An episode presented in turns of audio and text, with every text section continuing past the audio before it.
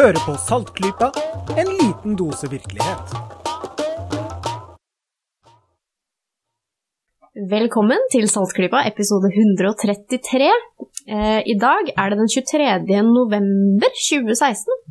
Eh, vi sitter her på redaksjonsmøte, vi, i Saltklypa. Derfor er vi samlet i ett rom. Det syns jeg at det er veldig stas når vi får til det. En gang hvert jubelår. En gang har vært jubelår. Prøver å få til det. Det er veldig motiverende og bidrar til at vi får en ålreit podkast som vi kan høre på. Eh, jeg som snakker her, heter som alltid Kristin, og med meg i dag har jeg Lisha. Hallo, hallo. Og jeg har med Jørgen. Hei, hei. Marit. God dag, god dag.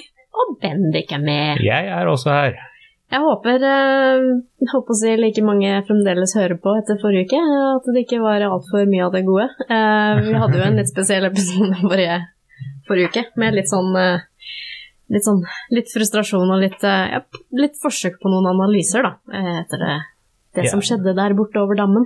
Ja, det skal vel sies at vi har ikke helt blitt til en sånn USA-diskusjonspodkast riktig ennå. Det var vel den ene gangen vi også måtte få det ut av systemet vårt. Ja, og jeg har hørt et par andre som også måtte få ut litt eh, subtilt eller ikke. Eh, vi måtte vie en hel episode til det.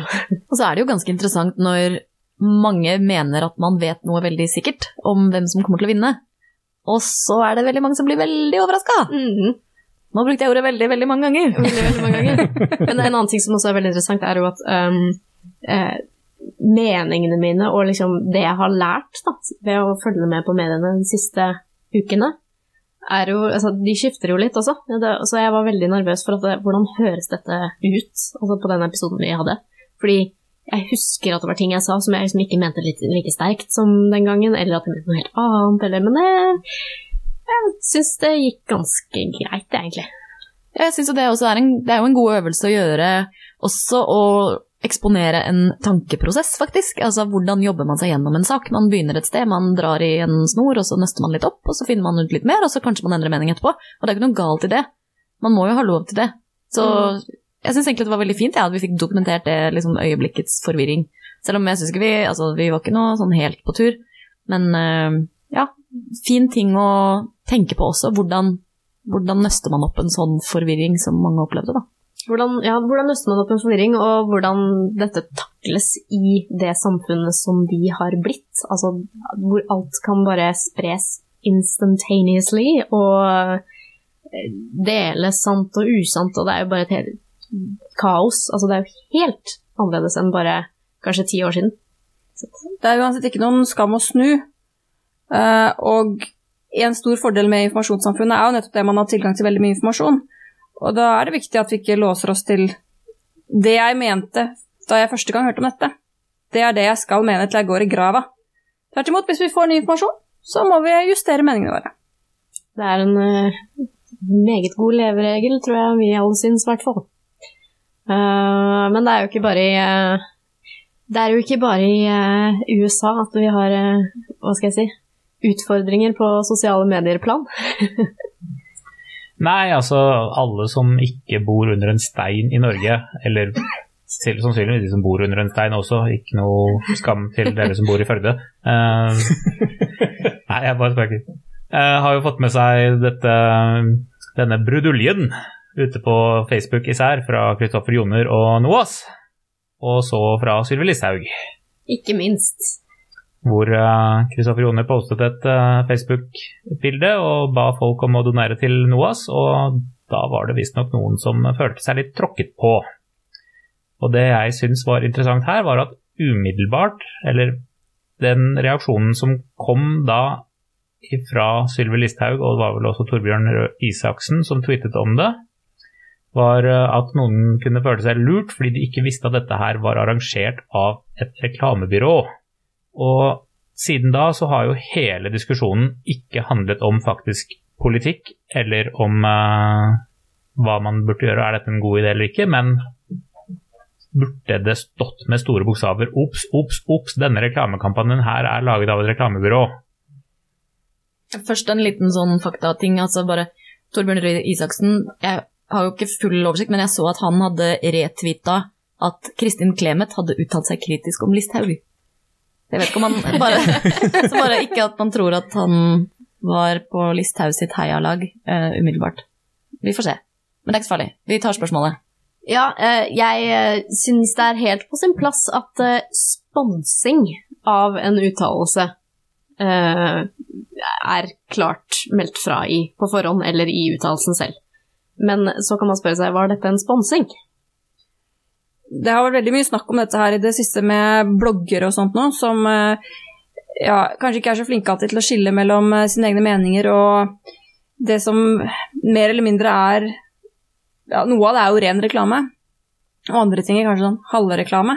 Eh, og der har det jo vært veldig på at dette må merkes.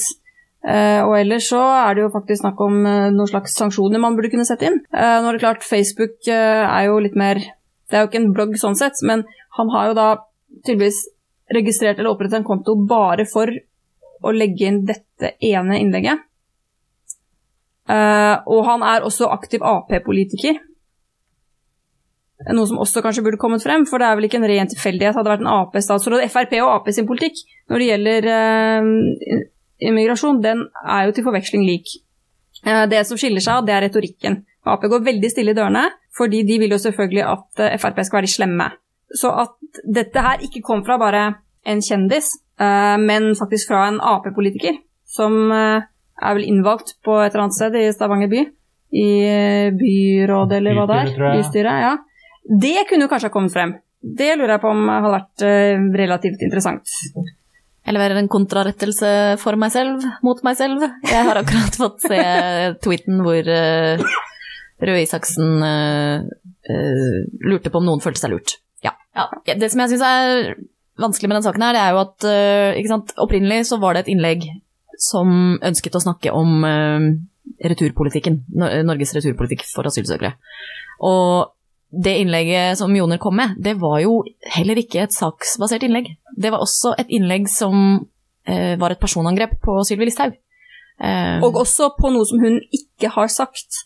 For det hvis, Nå har jeg ikke det helt i hodet, og jeg rekker vel ikke å google frem til det, men George Gooding skrev på sin blogg et veldig interessant innlegg om det der, hvor han sier akkurat det du sier, at dette er et personangrep, og ikke minst en stråmann, for det han liksom siterer henne på, det er ikke det hun sa. Eh, men det er Sylvi Listhaug veldig vant til. Så det tar vel hun med stor ro. Men eh, ja, det, er, eh, det er veldig, var et veldig følelsesladet innlegg. Veldig følelsesladet. ikke sant? Eksempel dette at det står man skal bidra i hennes navn sånn at hun føler skammen. Ikke sant? Altså Det er veldig personfokusert. Det er retta mot henne som individ, og ikke mot en, et partis politikk. Og ikke bare en partis, men dette er faktisk noe som Stortinget som helhet står bak.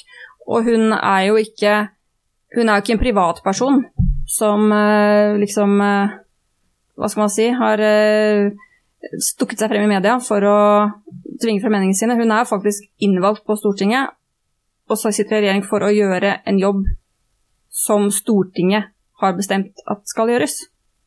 Ja. Så Ja, ja men jeg, altså, Ja. jeg, um jeg er absolutt ikke enig, enig i hennes retorikk. Jeg bare er ikke enig i retorikken som svarte på hennes retorikk, heller. Det er vanskelig, det der.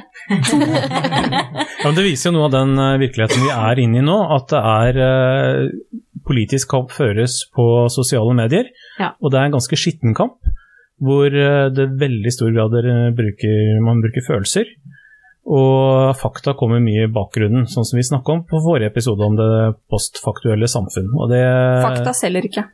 Fakta selger ikke, og i tillegg så det som På sosiale medier så er det jo det å dele og aktivt bruke tjenesten, det er jo det som de vil ha. Sånn som Facebook vil jo bare at folk skal dele ting. Eh, de har foreløpig ikke hatt noen særlig interesse av å sile hva som er sant og ikke. Nei, og det dette blir er jo eh, en av de store debattene som går særlig eh, blant teknologiinstitusjoner i USA nå og over hele verden om hvordan skal vi forholde oss til en verden hvor nå nyheter deles på sosiale medier, og hvor det er veldig lite kontroll med fakta. Og hvor sosiale medier deal in outrage. Altså, de er mye mer opptatt av vrede og følelser enn av fakta. For det deles jo mer. Ja, det har jo alle medier egentlig vært, i eh, i større eller mindre grad. Ja, på vei mot det. Mm. Ja, på vei mot det. Men samtidig, nå blir det sklidd litt ut her, men noe som er interessant, er jo at de mediene, i hvert fall her i Norge, som vokser raskest, og, eller de eneste som vokser, det er jo nettopp de som satser på fakta, som Morgenbladet og den type litt mindre publikasjoner, som skriver lange artikler, og gjør veldig grundige jobber, det er de eneste som ser en økning i opplagstallene, mens alle disse klikkhorene, for å si det rett ut, eh, de ser jo opptall, opplag som stuper og må jo sparke folk over en lav sko stadig vekk. Så det er jo ikke sånn at alle bare vil dele outrage, men det er jo faktisk en interesse også for ja, og for å gå litt dypere inn i tingene og for å faktisk lære noe. Har ikke det også litt med at uh, Facebook, uh, blant annet, for det, det er noe av de uh, quick-sidene er veldig veldig avhengig av, er jo Facebook, uh, som deler det via reklamer og litt sånn forskjellig. Har ikke det litt med at Facebook skulle endre disse algoritmene for å få bukt med sånn clickbait? Ja, for å få bukt med clickbait, ja. Ja, ja. Men ikke nødvendigvis for å få sannhet. Det er sant. Clickbait er jo bare en bestemt ordlegning i overskriften. Nettopp. De gikk etter disse her algoritmene med, liksom 'du vil ikke tro' eller uh, Ja, du vil ikke tro. Se hva som skjer. Vent til du får se. Ja. Ja, nummer 24 er min favoritt. Listicles. Ja, altså, dette er en vanskelig sak. For, altså, tidligere i sommer så var det jo en kjempesak i USA om at uh, republikanerne mente at uh, Facebook silte ut informasjon uh, som favoriserte republikanerne, sånn at de Mm. kom dårligere ut. Nå har jo Og, og det skjedde fordi det var mennesker som satt var en redaksjon, og at det var en liberalt orientert redaksjon som dermed kuttet eh, pro-republikanske saker. Ja, så de kutta ut eh, hele det, og har Eller heller kutta ut menneskene. kutta ut menneskene, og har heller ikke, så vidt vi vet, hatt noen algoritmer for å sile hva som er sant og ikke, eh, i den tiden som det har gått. Og de undersøkelsene har vist at Nå husker jeg ikke tallene helt i huet, men jeg tror det har vært noe sånt som at 39 av eh, de sakene som har vært delt pro republikanere, har inneholdt eh, til dels grove faktafeil. Og tilsvarende prosent for uh, demokratene har vært rundt 19% tror jeg det var. Så Kan hvis man faktisk silte eh, de sidene eh, vekk, de som var usanne, så ville det faktisk gått utover republikanere. Det ville jo da gjort eh, at ting ble sannere, det som ble delt, men det ville gått utover republikanere. Og det, de er snakk om så mange millioner mennesker som støtter republikanere, at sosiale medier vil jo ikke støtte støte dem fra seg. For faren er at de sier at nei, screw this, eh, vi lager vårt eget sosiale nettverk hvor vi eh, slipper sensuren. Og så eh, mister de masse folk. Så, Og ikke minst så møt, mister vi alle et rom hvor man faktisk møter på meningsmotstandere. ja, så dette her er faktisk en veldig komplisert sak. Det er ikke så enkelt som å bare sile vekk eh, usannheter. Eh, da mister vi også mange stemmer, for å si det sånn.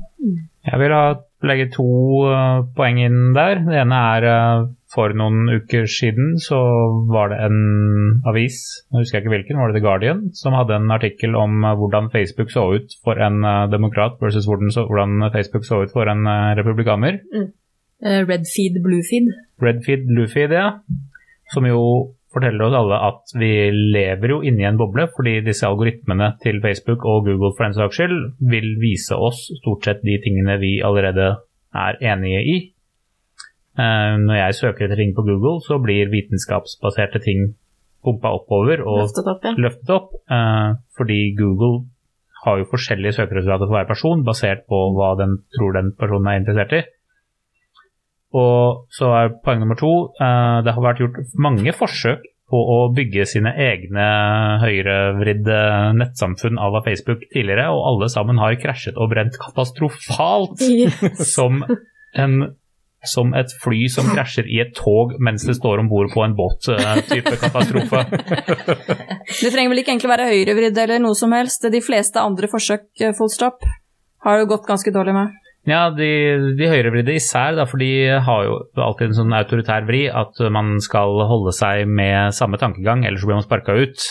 Fordi de har, i hvert fall de nettsamfunnet, har aldri tålt uh, motstand eller andre meninger, så da blir man sparka ut straks man uh, sier ja, men kanskje han Obama ikke er den faktiske djevelen uh, allikevel. Så blir man sparka ut. Er det noen som har lukta den svovelen som man påstår at han Ja. Nei, jeg er ikke lett å bo på denne planeten.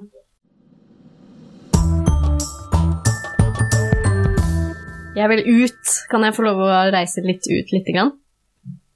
ja. Bare, bare en liten svipptur. Bare til enden av solsystemet. Bare til enden av solsystemet, eller nesten på enden av solsystemet. Eh, jeg, vil, jeg vil bare snakke litt om Pluto. Eh, for den har jo vært eh, ekstremt i, i vinden I vind? I romvinden. I solvinden. solvind. det siste året, med New Horizons som fløy forbi og tok noen helt syke bilder i fjor. Og eh, dataene våre fortsetter og fortsetter å komme. Eh, selvfølgelig da litt fordi at eh, båndbredden er jo helt mikroskopisk, så de må jo vente en god stund, selvfølgelig. På alt det fine. Men sånn, eh, hva er det dere husker av eh, ikoniske bilder eh, av Pluto? Hva er det dere liksom husker? Hjerte Hjertet på Pluto! Det, var, det er jo det er veldig fint, da. Eh, og det er jo Jeg syns ikke det ligna på et hjerte. Du syns det ligner på Pluto, du? Nei, jeg syns det ligner på en uh, kreftflekk. Føflekk. Så dyst, Bennik. Ok. Eh, jeg hører på Marit, jeg som sier hjerte. Og Jørgen. Pluto sitt hjerte. Eh, det har jo faktisk et eh, navn eh, som heter Tombo Regio. Eh, oppkalt etter da oppdageren. Um, og så er det da en uoffisiell del av det hjertet, da, som er på en måte kan si den venstre loben av hjertet, som har fått kallenavnet Sputnik planitia. Det er en sånn slette, da, kan man kanskje si. Uh, der har man eh, forsket litt og undersøkt litt, og syns den uh, Altså, folk som vet mye mer om celestemekanikk enn meg, da, syns det er rart at den er plassert der den er. Uh, det er jo en, da et, en rest etter et gammelt meteorittnedslag, som etterpå har blitt fulgt opp av noe nitrogenis eller noe et eller annet sånt. Eh, og så synes de det er rart at den er plassert såpass nær ekvator som den er, og at den er plassert da på nøyaktig motsatt side av uh, månen til Pluto, uh, altså Karon, fordi at de er jo tidelåst, mm, så de, de vender alltid samme side mot hverandre. Og denne her hjerteformasjonen er alltid da på motsatt side. Får ikke Karon se hjertet? får ikke det, altså. Det er egentlig ganske trist å tenke på. Um, men litt sånn, bare en, en liten sånn ny forskningsnyhet, bare for å oppdatere lytterne om hva som skjer der oppe. Um, de har da prøvd å finne ut hvorfor dette her er, og ifølge da, som sagt, folk som er mye smartere enn meg, så er det visstnok bare 5 sjanse at den regionen da er plassert sånn som den er. Altså det meteorittresten. Med andre ord, så det var usannsynlig at det ikke er noe muffens? Eller usannsynlig Ja, det må være en litt sånn komplisert eh, forklaring bak det her, da. Og så har man da, så mener man nå at man har eh, funnet en forklaring på dette her. Og det dreier seg om at den kan ha en ganske, et stort hav under overflaten. Og det har vi jo, eh, det har vi jo hørt før. Altså, for eksempel det mest kjente eksempelet på det i solsystemet vårt er jo da eh, månen Europa. Som man eh, omtrent nå så, så godt som vet har et kjempestort hav under overflaten. Um, men eh, med nå- fine havdyr? Kanskje det. Noen fine rommaneter. Ja. Det hadde vært fint. Uh, men også da Pluto. Uh, og det er da, da har de da en, eh, et par artikler, et par forskningsteam som da har funnet, kommet frem til dette her, at eh, eh, ja, jeg, jeg skal ikke gå så veldig i dybden på dette her, det kan dere lese selv. Jeg skal linke til en artikkel i The Guardian.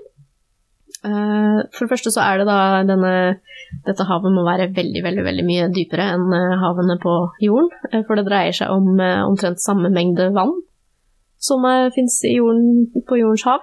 Oi. Men nå er jo ikke det så dypt på jorden, da, sånn i forhold til størrelsen. Ikke- Så da Er ikke Pluto såpass mye mindre at uh, det, er masse, jo, det er veldig mye vann på jorda? Jo, men det, i forhold til volumet på jorda, så er det ikke så dypt. Eh, sånn at eh, ved å ha det samme volumet eh, på Pluto som på jorda, så måtte dette havet da være 100 km dypt. Det er ganske dypt. Er ikke Pluto 100 km i diameter eller noe nå? Nei, nei, det har jeg ikke i hodet akkurat nå, eh, men det er eh, ikke såpass. Eh, så er det da hvordan, dette, hvordan jeg kan vite dette her, det er det som er interessant. Hvordan vet man det man vet? Det er det som er kult med forskning. Eh, og da har man denne her meteoritten da, som kommer og slår ned på Pluto. Eh, så vil jo den ha Altså, det er jo sånn en for folk som har sett det bildet, så er det en ganske stor del av Plutos overflate. Den hadde en sykt stor påvirkning på denne lille dvergplaneten. Um, så krasjer denne meteoritten ned, uh, skyter opp en helt syk mengde uh, vannis. Finnes jo flere typer is. Uh, og så er det da bare et veldig, veldig tynt lag med is på bunnen da når den har skutt ut alt dette vannet. Og så hvis det var da, et hav under der, um, så kan det hende at den ble Ja, det, altså, det kunne bli holdt flytende av eh, at det var ammoniakk, eh, eksempel, der. Det er jo noe som det er noe som kan finnes. Jeg er ikke romkjemiker, men det er eh, veldig greit.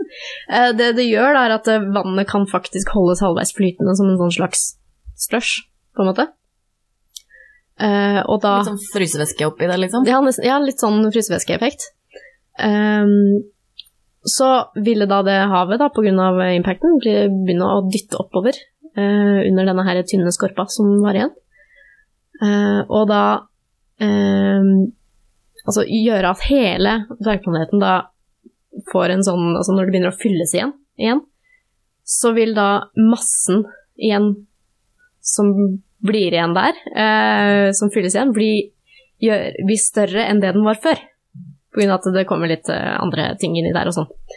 Og det gjør at da hele greia bare tipper. Så Pluto har bare tippa.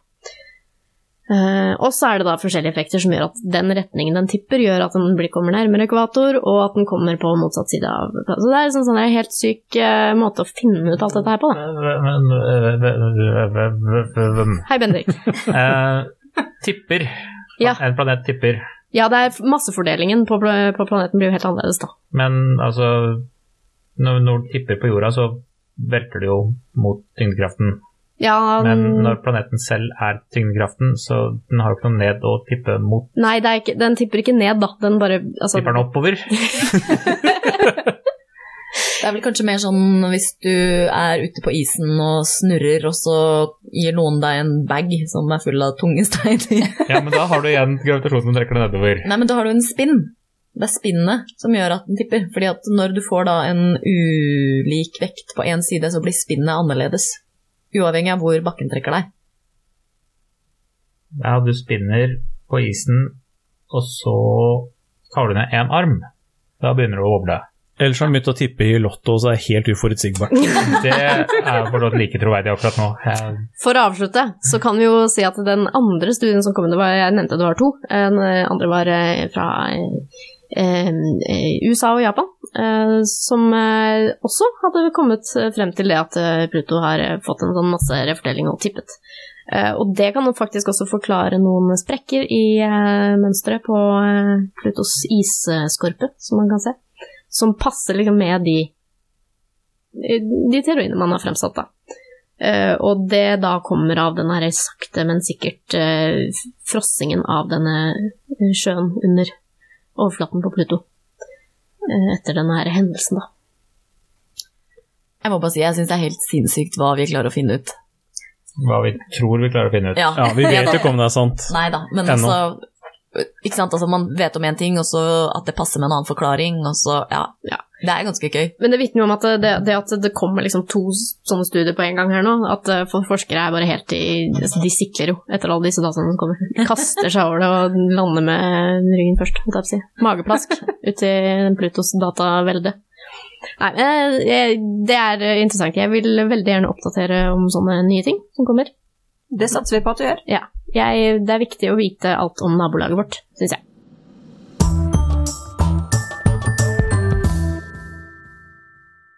Men Pluto er jo ikke den eneste Eller Pluto har jo også en isete overflate. Og det har vi jo også her eh, på jorda. I hvert fall visse deler av jorda. Ja, i hvert fall parkeringsplassen på jobben. Herregud, som jeg har sklidd rundt i dag.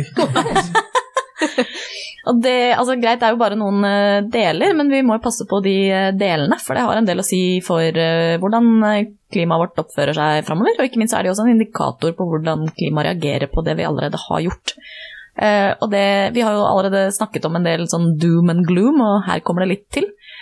For det har nå dessverre blitt meldt om at temperaturen på Nordpolen er 20 grader høyere enn normalt. La meg gjenta det. 20 grader høyere enn Altså, normalt. her snakker vi om liksom i sånn klima... Eh, klimaskrekknyheter-sammenheng, at liksom to grader er dritmye. Og så kommer du med 20? Det høres nesten feil ut. Ja, det er jo heldigvis eh, eh, et globalt gjennomsnitt, da, hvor vi prøver å unngå å nå to grader Mm. med 60 sannsynlighet. Eh, det er også en sak. Men eh, jeg kan jo bare fortelle dere også hvor varmt det er, da. Eh, Danmarks meteorologiske institutt har eh, målt at det er fem minusgrader nå på Nordpolen, eller tidligere i uka, og normalen der er minus 25. Nå har det vært fem minusgrader. Mm. Så det ligger og dupper rundt null. Og jeg vet ikke, det har gått rundt en grafikk også på nettet, eh, som NASA har laget av satellittbilder, hvor man kan se mengden av eh, perennial, heter det, altså flerårig is, og, og ny is, da.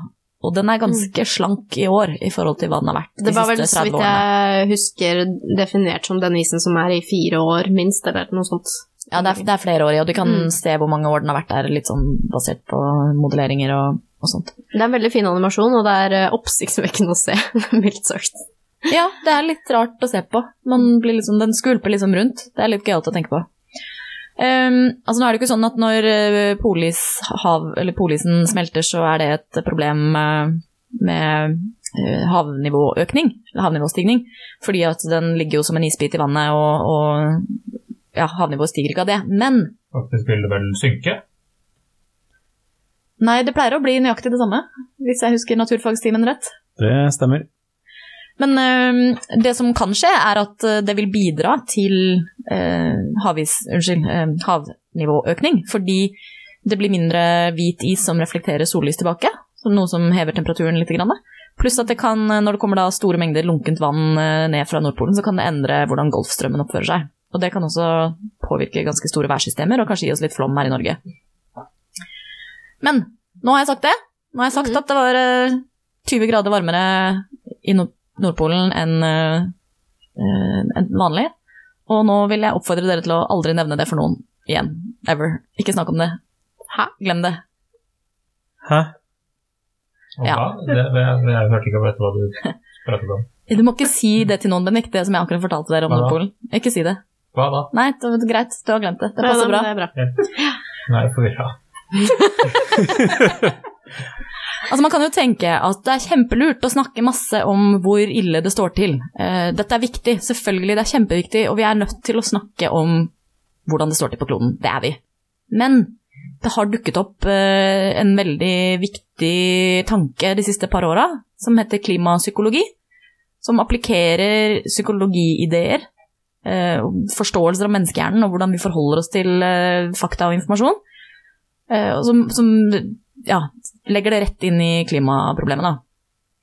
Og noe av eh, det som sies da, er at sånn som vi snakker om klima, så blir folk apatiske og gjør ingenting. Jeg vet ikke om dere kanskje kjenner dere litt igjen i det? Det, jeg kan sikkert peke på et par eh, eksempler, ja. Altså, du tenker på dette at det blir overmektig, rett og slett. Man tenker at det er ingenting jeg kan gjøre som gjør noen forskjell likevel, og så, ja. Ja, det er mange årsaker til at vi blir eh, apatiske av den typen informasjon. Altså For det første så er det sånn oi shit, dette her er så stort problem at det er ikke noe vi kan gjøre. Vi har tydeligvis ødelagt alt allerede. Hva gjør man da? Ja, da setter man seg ned i sofaen og gråter istedenfor å mane til kampvilje. Ikke sant? Det er det ene. Det andre er at eh, jeg føler jo ikke at mine hverdagshandlinger har noen som helst effekt på temperaturen på Nordpolen. Kan ikke skylde på meg for det. Mm. Altså fordi at årsaksforholdet der er jo så komplekst og mangefasettert at Det er litt mange ledd. ja, det, sånn forholder ikke vi oss til verden. Ikke sant? Det er som at du, du forstår ikke tall som er mer enn 10 000. Du bare, hjernen din vet egentlig ikke forskjellen på en million og en milliard, liksom. Det, Det er en- masse. det er masse. Det er masse. Det er, masse. det er en størrelsesorden som ikke du vet om, da. Um, og det tredje er at uh, veldig mange av de effektene som det rapporteres om i, i klimarapporteringa, uh, er fjerne for oss. Det skrives om stillehavsøyer som synker. Det er Nordpolen, det er et sted som de færreste har vært. Det er veldig lite om Norge, altså. Veldig lite om eh, Trondheim og Oslo og Bergen og sånn. Og det nære og det kjære. Mm. Ikke sant? Vi leser om eksotiske arter som dør ut, men det Mm. snakkes ikke om lakrismjeltblåvinge. blåvinge. Nei. en sommerfugl. Ja. Um, og ja, så um, En som har snakka veldig mye om det her, og som også har gitt ut en bok om det, er Per Espen Stoknes. Han har gitt ut en bok som har den kronglete tittelen 'What We Think About When We Try Not to Think About Climate Change'. Eh, faktisk bare utgitt på engelsk, jeg har ikke sett den på norsk ennå. Den høres ekstremt interessant ut bare på tittelen, syns jeg, da. Ja.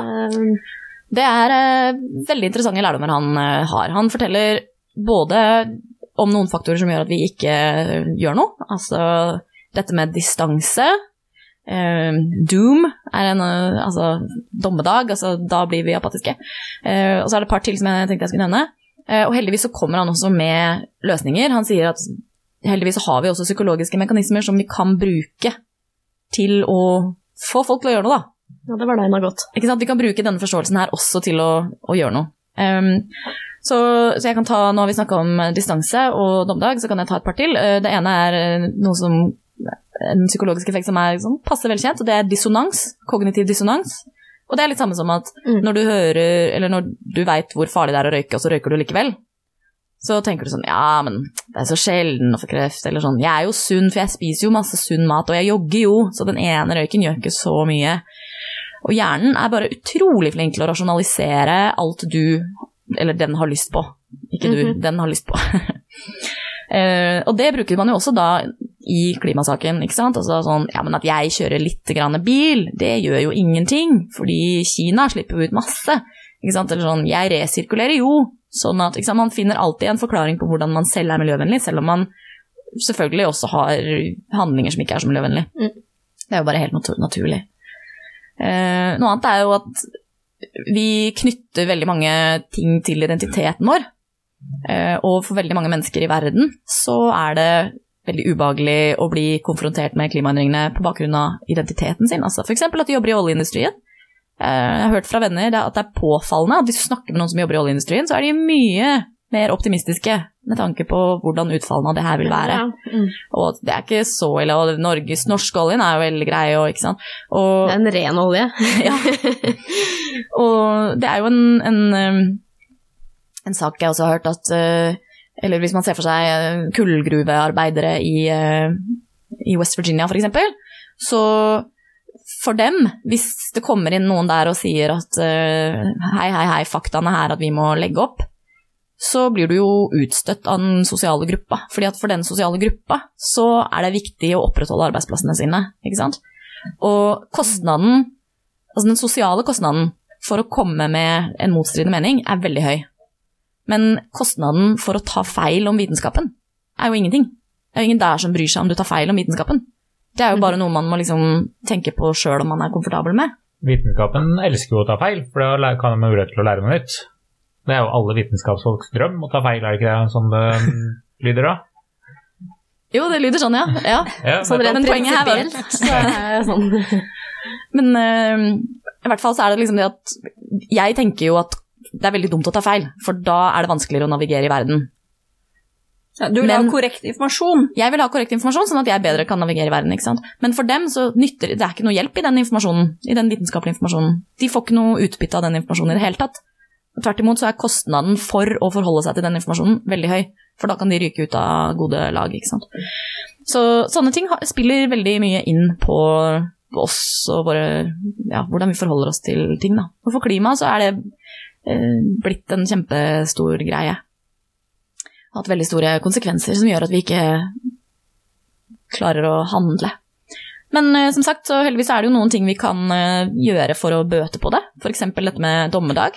Så kan man snakke om at ja, nå, kreves det omstilling, men den omstillingen er en mulighet for å endre på gamle systemer som ikke funker. Det er en mulighet til å lage en mer effektiv og rettferdig verden. En mulighet til å samle kreftene vi har her på jorda og ikke sant, skape noe bra. Få ny teknologi og Ja, Ja. og det er jo sånn, når jeg kjenner at jeg hører det, så blir jeg sånn åh, ja, det, det kan jeg være med på. Oh. Få teknologien til å jobbe for oss. Ja, nå snakker vi. Ikke sant? Og så hindre sløseri. Det har vært så mye sløseri av ressurser før. Nå, nå legger vi opp systemer som gjør at vi sløser mye mindre. Og det er så typisk sånn, tror jeg, som uh, veldig mange folk hører på. Sånn, ja, vi sløser mindre. Det er jo det resirkulering handler om. Papirresirkulering Ja. og glassomtale. Det handler jo om at man ikke skal sløse med ressursene. Utnytte litt sånn jo mottenkning, kanskje, egentlig. Altså, ja. Altså, det funker jo, allerede gjennom at folk leverer inn dette til uh, resirkulering. Jeg vet ikke om det faktisk har noe for seg. Det er vel uh, Jo, De seg. strides. Men uansett, da. Det, det funker å få Altså, folk gjør det jo. folk gjør det.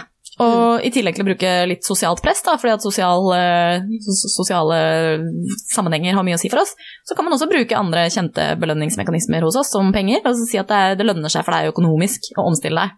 Ja, kjempebra, sier folk da. Da omstiller det seg med en gang. ikke sant? Altså, Trump kommer til å få store problemer med Sorry for at jeg trakk inn han. Det bare ramlet inn i meg. Han kommer til å få store problemer med å revitalisere kullgruveindustrien i USA, fordi det allerede er blitt billigere med solenergi enn kullenergi. Og fordi det har fått dårlig rykte, det er noe folk opplever som skittent og Ikke sant? Og her kommer det sosiale presset igjen, og liksom våre sosiale sammenhenger. Um, en annen ting er uh, denne avstanden. For klimaendringene har jo faktisk konsekvenser her på norsk jord. Det er veldig mange som snakker om at ja, men vi bare får noen grader varmere, så det blir liksom bare som Tyskland, og det blir veldig behagelig. Men det er jo ikke helt tilfellet. Vi får mye mer ekstremvær, eh, og ikke minst så skjer jo endringene så radig at vi, vi har ikke helt kontroll på hva som skjer med det biologiske mangfoldet vårt. Og mye av robustheten i et økologisk system ligger i at det er et mangfold. Fordi da har du liksom, hvis det skjer noe, så har du Ja, så døde det fem, da, så har du 95 igjen, ikke sant. Um, og en måte å, å bøte på det på, det er jo Jeg skrev en liten sak nylig om at uh, vi burde ikke snakke om stillehavsøyer lenger, vi burde snakke om torsken. Mm. Og så var jeg på et foredrag hvor det var en som snakka om torsken. eh, om hvordan det er en liten sånn hoppekreps som heter rauåte, som kommer opp fra Norskehavet utafor Lofoten, fra Lofotdypet. På sånn 3000 meters dyp så driver de og surrer rundt hele året. Og av en eller annen uviss årsak så kommer de opp til eh, havoverflata en gang i året for å liksom eh, Se på livet. se på livet.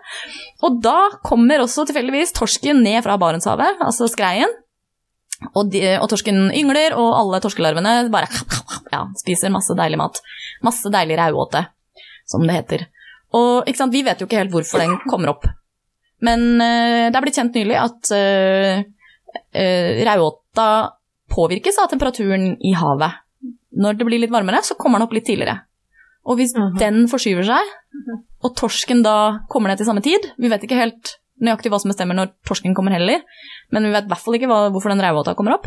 Men det er liksom, det er komplekse ting her, da. Og når en liten forskyvning hos det ene systemet ikke passer opp med en forskyvning hos det andre systemet, så får du problemer. Det er systemer som har blitt lagd gjennom et Millioner av år. utall tusen slash millioner år. Nettopp. Ja.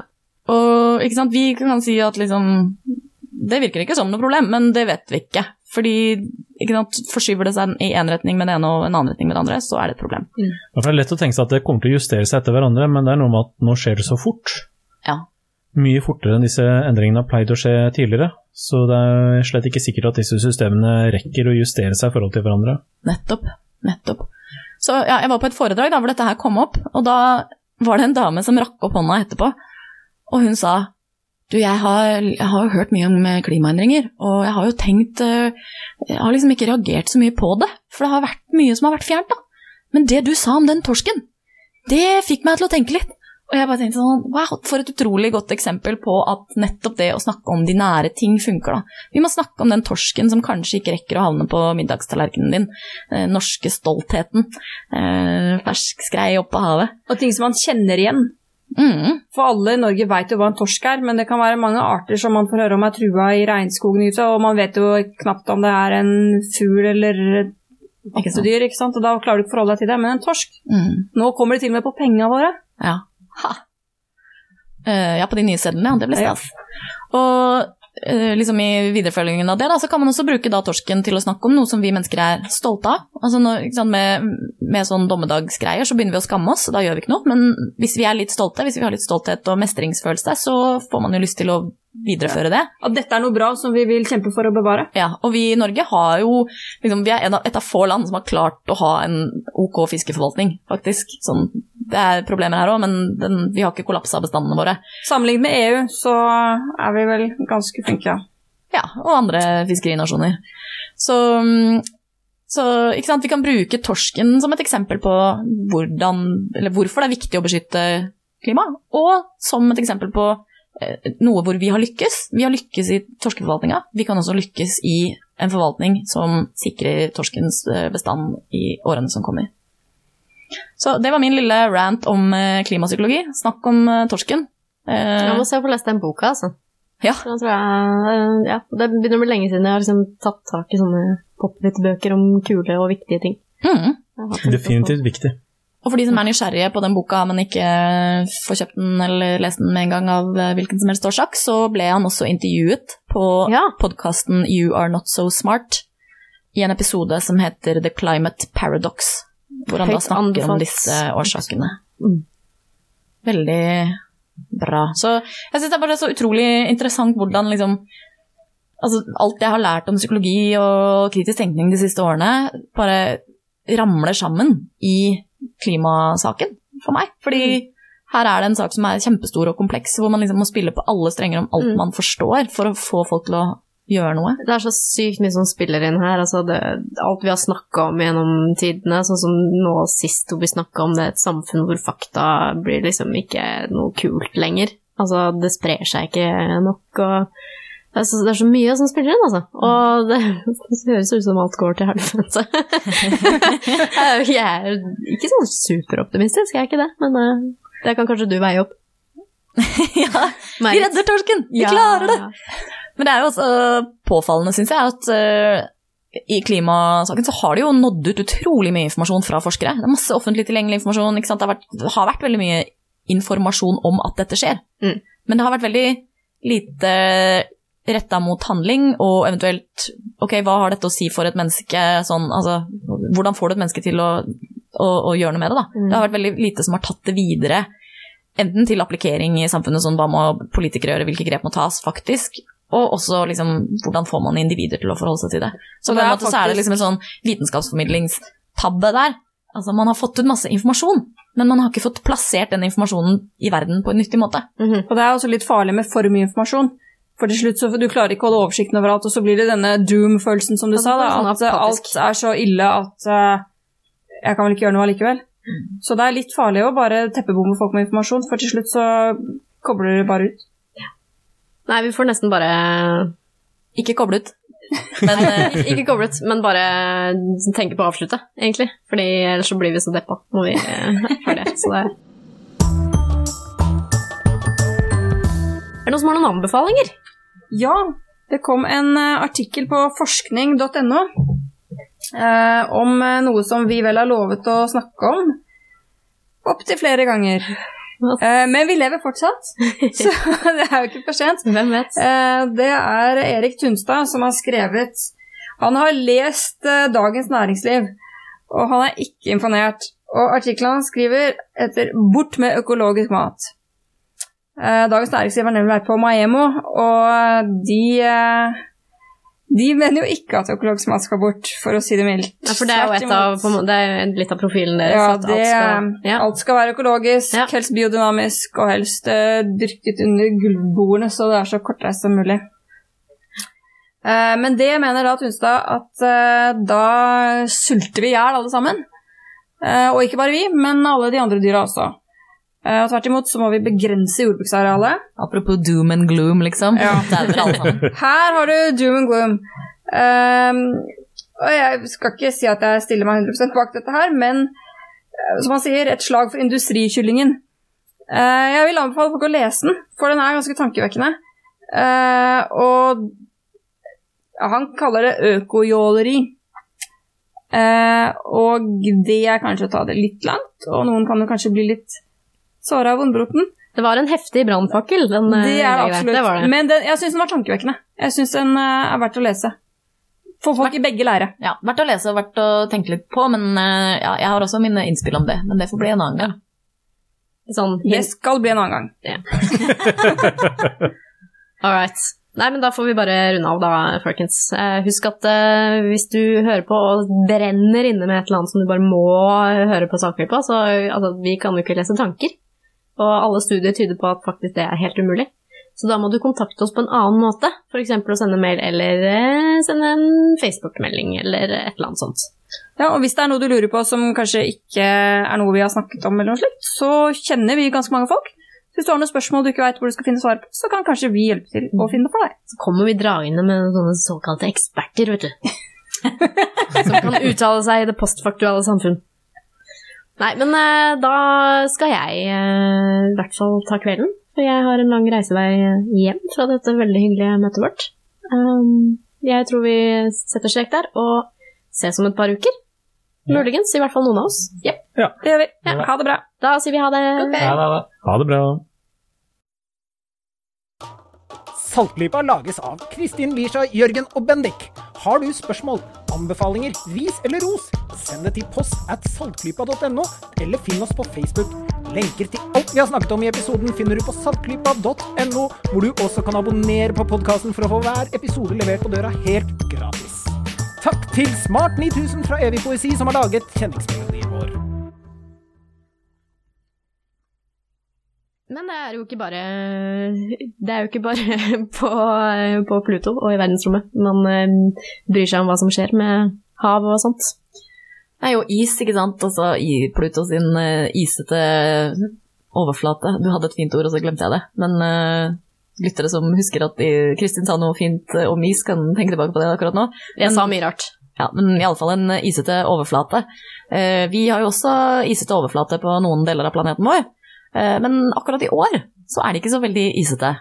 Eh, og nå skal jeg komme med litt sånn doom and gloom. Vi har jo snakka om mye mørkt eh, i det siste, og her kommer litt til. Eh, det meldes nå at gjennomsnitts... Nei, unnskyld. At temperaturen på Nordpolen er 20 grader lavere enn gjennomsnittet. La meg gjenta det. 20 grader lavere enn gjennomsnittet på Nordpolen. Eller høyere. Høyere sannsynligvis. Ja. Varmere. Høyere. Varmere. Det er varmere. Takk. Så helt motsatt av det Marit sa til å begynne med. Her sa Vi vi. tar det igjen.